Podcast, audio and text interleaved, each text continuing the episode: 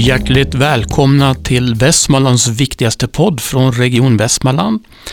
Jag heter Lars Thomasson och är kommunikatör här på Region Västmanland. Och med mig i studion idag så har jag Leif Bergqvist som är kirurg och professor. Vi fortsätter alltså tema forskning och idag kommer det handla om bröstcancer. En sjukdom som drabbar över 8000 kvinnor per år och ska vi höra idag också ett antal män. Tänkte börja och fråga dig Leif, vad var det som fick dig att börja forska om bröstcancer? Hur började det hela? Allra först så var det så att jag hade en väldigt god vän som gick bort i bröstcancer. Och då tänkte jag att det här var väldigt tråkigt förstås och det är någonting som borde finnas möjligheter att förbättra så att man inte ska behöva ha så dåliga behandlingsresultat som det faktiskt var på bröstcancer på den tiden. Eh, sen av en slump så blev jag tillfrågad av en gynekologkollega i matsalen här på sjukhuset om jag var intresserad av att forska inom ett projekt som han höll på med som handlade om östrogenbehandling i klimakteriet av kvinnor med besvär av eh, svettningar och vallningar och sånt där.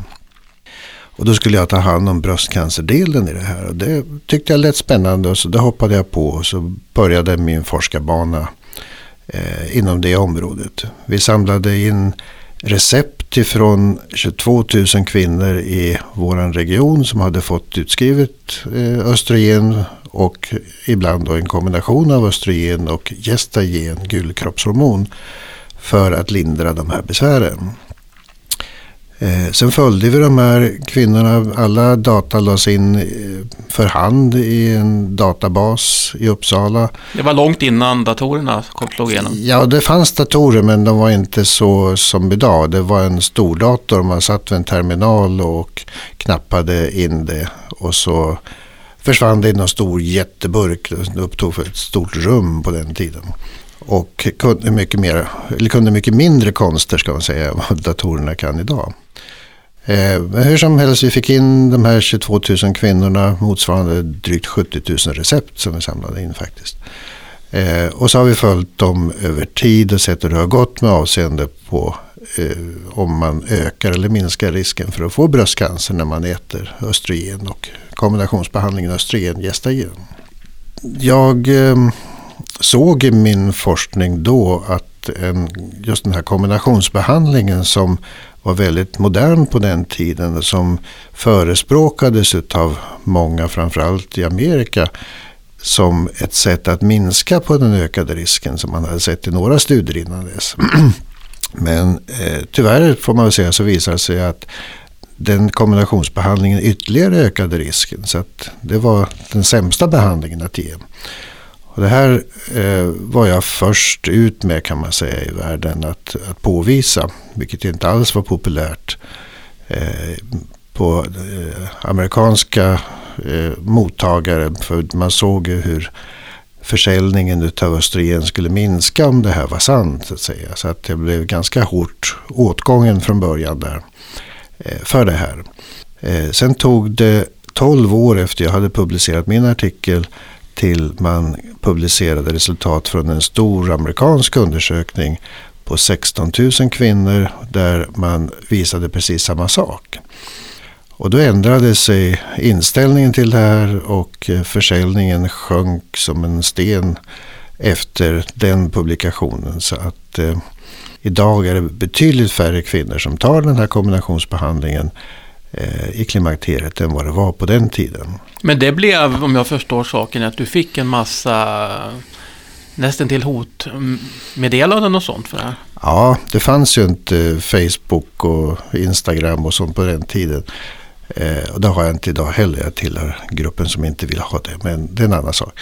Eh, men eh, jag fick eh, VHS-kassetter från nyhetsprogram som var inspelade i USA. Där man eh, ondgjorde sig över den här studien och att det måste vara fel i den och sånt där. Därför att så här kunde det bara inte vara. Och ehm, eh, jag blev under flera år inte heller inbjuden till USA att prata om de här resultaten. Till Europa gick det bra, där var jag pratade på många kongresser men i USA fick jag inte komma förrän långt senare. Sen har jag fått upprättelse där också kan jag säga. Hur kändes det att få upprättelse? Det kändes bra. Sen är det ju så, man ska ju vara ödmjuk inför forskningsresultat överhuvudtaget och eh, även den här stora amerikanska studien nu har börjat ifrågasättas idag och eh, det är nog på gång en svängning. Man har sett att det kanske inte riktigt var rätt målgrupp man hade koncentrerat sig på. Så, där, så att idag är man på väg att ändra på sina riktlinjer igen och kanske använda mera kombinationsbehandling men till en annan åldersgrupp framförallt av kvinnor än tidigare. Så det var så det började kan man säga med mitt intresse för, för forskningen. Och sen om vi spolar fram bandet några år så började du intressera dig för någonting som kallas för Sentinel Node. Mm. Kan du förklara vad det är och varför det var så intressant? Mm. Och vad, det, vad vi kallar det på svenska? Ja, det finns inget riktigt bra svenskt ord. Portvaktskörteln har man kallat det ibland. Ehm, men ingen vet vad det är heller. Så att jag föredrar att kalla det för Sentinel Node. För det är ett internationellt begrepp som används i litteraturen världen över. Och de flesta som åtminstone i branschen vet vad det här handlar om. Och vad är det? är en slags körtel? Det är den lymfkörtel i armhålan dit lymfan kommer allra först. Om man har en tumör i bröstet så, så följer ju tumörceller med lymfbanorna. Och eh, det här är den körtel dit de kommer först. Sen finns det många andra körtlar också i armhålan. Och innan vi startade med den här tekniken så var den gängse behandlingen att man skulle ta bort minst tio körtlar från armhålan. Och helst ännu flera. För det hade ta bort lymfkörtlar då? Ja, det ingår liksom i en bröstcanceroperation att göra det. Skälet för det är att de här körtlarna ger oss information om allvarlighetsgraden på tumören och eh, det i sin tur ger oss en uppfattning om hur vi bäst ska behandla bröstcancer.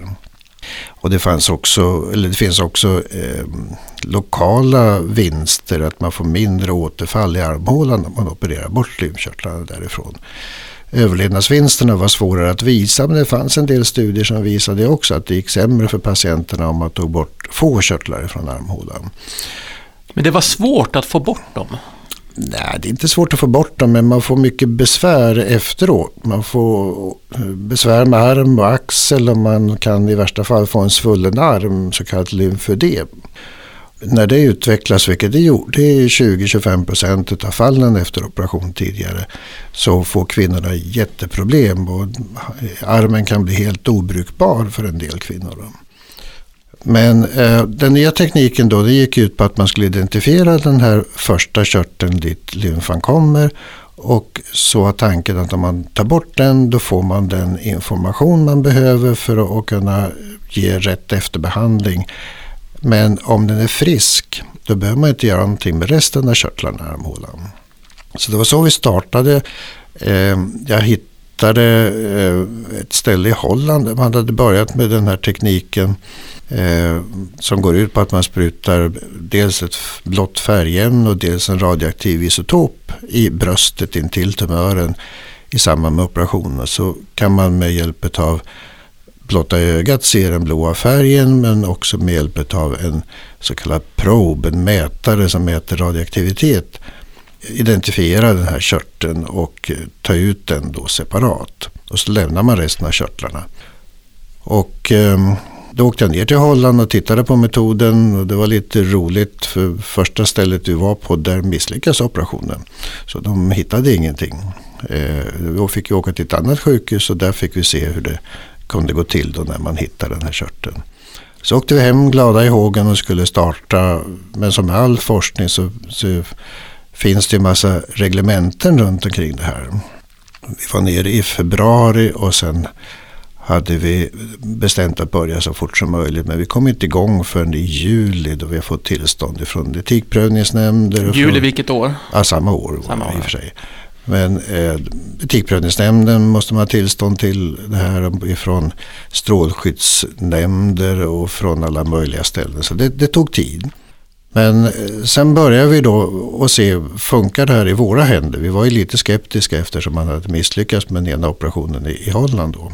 Då startade ni ett forskningsprojekt här i Västerås? Jajamensan. Vi, vi tillsammans med Karolinska och Örebro gjorde 75 operationer vi var bara tre kirurger som, som gjorde det här för att se fungerar metoden i våra händer så att säga.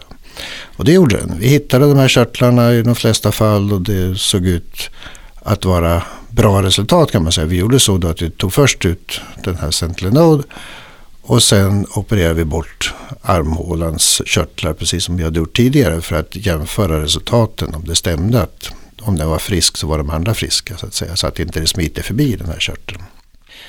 Sen eh, när vi var nöjda så utvidgade vi det här till några sjukhus till. Ett 20-tal sjukhus i Sverige deltog. Eh, och vi tittade hur det gick för andra kirurger att lära sig det här. Många kom hit till Västerås och tittade på hur vi gjorde. Och vi, eh, jag reste runt till sjukhusen och, och föreläste om det här och talade om hur man skulle göra. Och alla fogade sig i det här. Ingen i Sverige började med metoden utan att få klartecken ifrån oss så att säga. Och vad var resultatet för patienterna? Det var ju så småningom då när vi hade visat att metoden funkar som den var tänkt så, så är ju resultatet att kvinnorna inte behöver operera bort flera än den här körteln under förutsättning att den är frisk. Och det har, kan man räkna ut då hur, hur det faller ut i Sverige och det visar sig att ungefär 2000 kvinnor varje år slipper besvär från armen om man gör på det här sättet istället för det gamla sättet som vi hade opererat tidigare. Hur, hur vanligt är det att bröstcancer sprider sig med doktorsvulster? Ja, ungefär eh, 30 procent av alla nya fall har en spridning till armhålan i samband med den primära operationen. Och därifrån kan det sprida sig till övriga kroppen? Ja, det här är ju det första stället där man kan upptäcka det på. Och eh, det utgör kan man säga då en riskfaktor för att det ska kunna sprida sig någon annanstans. Så att det är en, det är en viktig skiljelinje. Tittar man på prognosen för patienter med och utan eh, spridning till armhålan så skiljer den sig ganska markant. Det går mycket sämre för de som har en spridning. Men med moderna metoder, men det är inte bara kirurgin som har utvecklats på bröstcancerområdet utan den, eh, hela bröstcancerbehandlingen har genomgått stora förändringar de sista åren.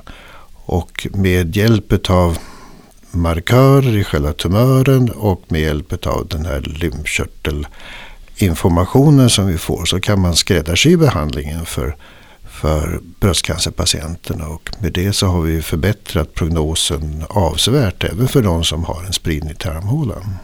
Det är alltså fler som överlever idag? Det är väldigt mycket fler som överlever idag, ja. Eh, jag brukar säga att på 70-80-talet så, så överlevde ungefär 60 procent sin sjukdom. Eh, och idag är det mellan 80-85 procent som överlever sin sjukdom. Och ser man till de tidiga stadierna där de flesta befinner sig genom att vi har mammografiscreening som upptäcker tumörerna tidigt och vi kan starta behandlingen tidigt i förloppet. I den gruppen är prognosen jättebra. vi fick data ifrån vårt regionala register i Uppsala här i förra veckan och då kunde man se att bland de som har en väldigt tidig bröstcancer så är överlevnaden bättre än för den som inte får en bröstcancer. Hur kan det fungera? Ja, det är någonting man kallar för relativ överlevnad. Man jämför med bakgrundsbefolkningen. Och eh, då kan man få sådana här siffror. Det är naturligtvis inte så att man väcker de döda till liv genom att de får bröstcancer och behandlas. Utan eh, det är rent statistiskt så blir siffrorna på det här viset kan man säga. Och det är väl så att med den moderna behandlingen och den övervakning som man har av patienterna så, så går det bra. Man kommer tidigt på om det är någonting annat som, som de här lider utav. Man kan behandla andra sjukdomar också som gör att det går lite bättre för den gruppen än vad det gör för, för gemene man så att säga. Då är det dock inte därmed sagt att man ska önska sig att få en tidig bröstcancer för att Nej, får jag hoppas. det är som sagt det är statistiska siffror men det, det, är ändå intressant att se att det går väldigt bra. Man, man klarar sig, man överlever och dör av något annat även om man får en bröstcancer i tidigt skede. Vi tittar på det här med Centrum för klinisk forskning. Det är alltså flera personer som har varit med och forskat kring detta. Ni byggde upp en slags eh, litet centrum, centrumet här för just bröstcancerforskning. Ja, vi har haft en forskargrupp på Centrum för klinisk forskning. Och det är eh, nu fyra doktorander som har doktorerat inom eh, bröstcancerområdet. Två av dem har sysslat direkt med det här Sentinel-Node-projektet och två andra har haft lite andra inriktningar. Men det handlar om bröstcancer. Den ena handlar om manlig bröstcancer och den andra handlar om rehabilitering efter bröstcancer. Manlig bröstcancer finns det? Det finns, det är inte vanligt. Ungefär en man på 200 kvinnor som insjuknar. Men det förekommer. Men de eh, riskerar att bli ännu värre drabbade? Ja, av många skäl. Ehm, dels så kommer de ofta senare till behandling därför att eh, männen är inte lika observanta på sina bröst som kvinnor är och tror heller inte att de kan få bröstcancer så man söker senare och det, det är ett viktigt skäl om man ser till hela gruppen. Men även om man jämför eh, grupperna sinsemellan när det gäller ålder vid insjuknande, storlek på tumören, spridning och alla möjliga sådana här faktorer som vi tittar på då. Så, så visar det sig att det går sämre för de manliga bröstcancerna. Så på något sätt verkar den sjukdomen vara annorlunda än kvinnlig bröstcancer. Du är både kirurg och forskare. Hur ser du på de två rollerna och hur hänger de ihop? De hänger för mig väldigt intimt ihop. Och jag tycker ju att forskningen berikar varje klinikers liv på många olika sätt. Man blir mera kritisk till nya metoder och till gamla metoder inte minst. Eh, man lär sig att värdera information på ett mycket bättre sätt om man har en forskarutbildning. Man kan avslöja fake news väldigt tidigt. Man ser att det här kan inte stämma så att säga. Så man lär sig tekniker för att värdera kunskap och man genom att forskas så eh, höjer man medvetenheten runt omkring sig också. Medarbetarna blir mer intresserade, hela statusen på, på kliniken höjs och det blir eh, spin-off effekter utav det här som gör att resultaten även på områden där man kanske inte forskar blir bättre. För man, man lär sig att hantera informationen på ett annat sätt. Men om det finns då personer där ute som kanske funderar på att de skulle börja forska men de känner att men herregud jag är ju ingen Einstein. Eller, det här är ju inte någonting för mig. Vad, vad har du att säga till dem? Börja med någonting i liten skala och upptäck hur fantastiskt roligt det här är. Är man lite nyfiken på, på världen och vill se vad som finns bakom hörnet så, så är forskningen en, en utomordentlig källa att gräva ur. Så att man behöver inte få Nobelpris för all forskning som man gör. Eh, utan man kan göra många små tillskott i, och driva kunskaperna framåt. Och det här ger en väldig tillfredsställelse när man märker att ja, jag kommer på det här, det, det, kanske inte är så dumt och så ser man resultaten att det här faktiskt är till nytta för, för våra patienter också. Och du håller på med ett nytt forskningsprojekt nu? Ja, flera nya projekt får man väl säga. Men, men vi håller på med en fortsättning på det här med, med Sentinel Node-tekniken. Vi visade ju väldigt tydligt att det går bra för de som har negativa körtlar, vill säga som inte har någon spridning till armhålan. Det har vi visat i många olika sammanhang. Men då är frågan uppstått, vad, hur går det för de här som har en spridning till armhålan? Behöver de opereras fortsättningsvis också eller räcker med den information man har fått ifrån lymfkörtlarna? Det finns eh, några internationella studier som har visat att det troligen går bra att låta bli att operera även om man har spridning till en eller två körtlar i armhålan. De studierna har en del, vad ska man säga, brister. De avslutades lite för tidigt innan man hade fått ihop det antal patienter man hade behövt. Som har lite dålig styrka i de här studierna för att kunna uttala sig på det sätt man har gjort. Och den grupp som eh, patienter som ingick var också ganska selekterade, urvalda så att man, man eh, har lite snällare tumörer bland de här. Och det gör att man kanske inte kan uttala sig om, om alla som har en spridning till armhålan. Så vi tyckte inte att vi, vi kunde köpa de resultaten rakt av utan vi har startat en svensk studie som numera också är en eh, europeisk studie där Danmark och Tyskland och Italien och Grekland deltar. Och där lottas patienter som har en spridning till armhålan, en begränsad spridning ska jag säga, till en eller två körtlar till att antingen genomgå operation eh, och ta bort flera körtlar eller att man inte gör det så att man låter det vara med bara det här diagnostiska ingreppet. Och det här ska vi eh, samla 3 500 patienter för att kunna få svar på den frågan.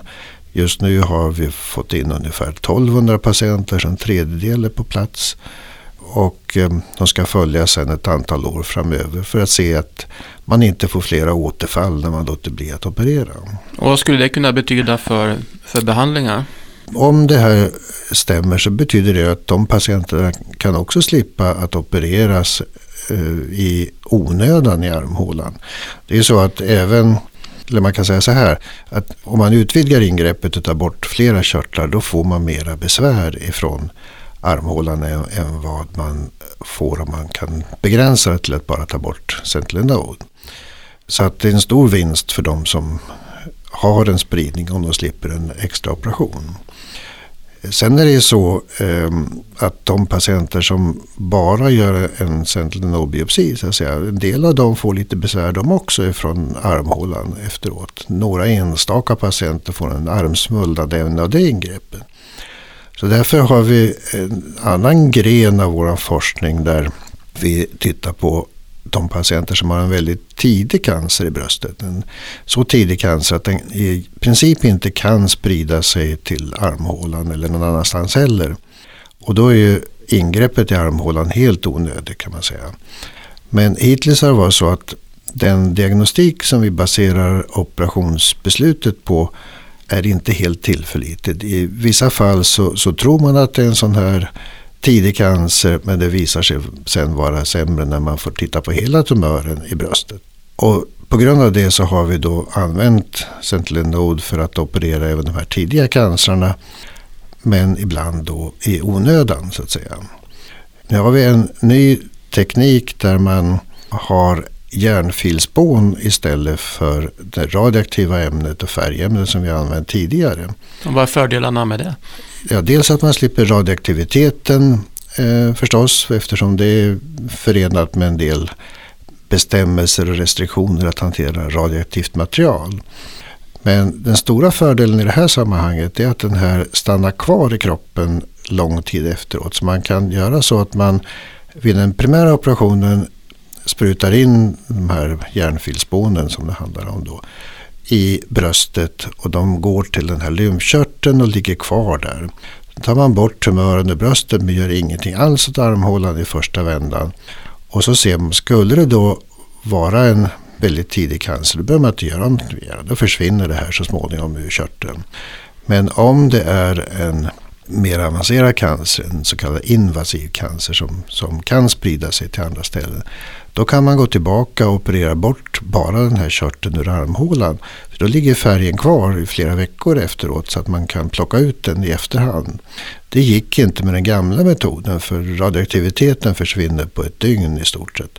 Så att där hade man inte tid på sig utan då var man tvungen att göra det på en gång eller också spruta på nytt. Och då är patienten opererad kanske hela bröstet är borttaget och då blir det inte lika tillförlitligt förstås. Och när tror du den här nya metoden med hjärnfelsspån kan vara ute på i sjukvårdsvärlden?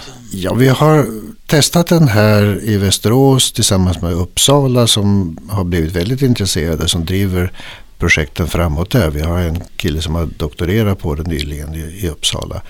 Och det är på en handfull sjukhus till i Sverige som använder metoden idag som komplement och just för utvärdering ett tag den funkar lika bra. Sen den stora vinsten med den nya metoden förutom att man slipper radioaktiviteten det är ju att den kan göras tillgänglig över hela världen. Även på ställen där man inte har radioaktivitet tillgång överhuvudtaget. I många utvecklingsländer så eh, finns det inte nukleärmedicinska avdelningar som kan framställa det här medlet som man måste ha. Det är så kort halveringstid som man måste ha det nära för att kunna använda det här. halveringstid är alltså hur? Ja, det är, när hälften av preparatet har försvunnit, det tar bara sex timmar. Så att eh, efter ett dygn, 24 timmar, så är det 6 procent kvar av det här.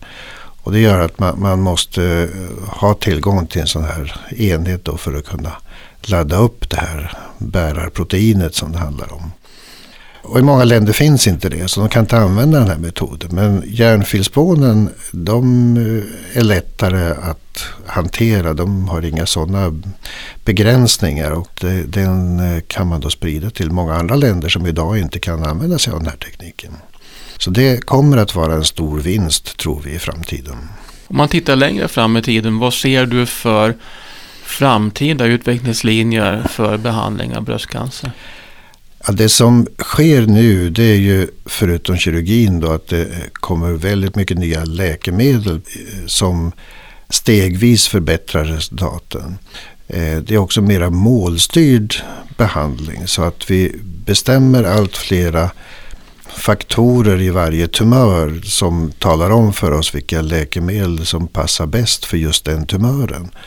Det är ett helt stort schema idag för hur man ska behandla en patient. Det är inte så att man, man ger en sorts läkemedel till alla patienter längre utan det finns kanske tio olika läkemedel att välja mellan för att tumörerna ser så väldigt olika ut. Hur många sorters bröstcancer finns det?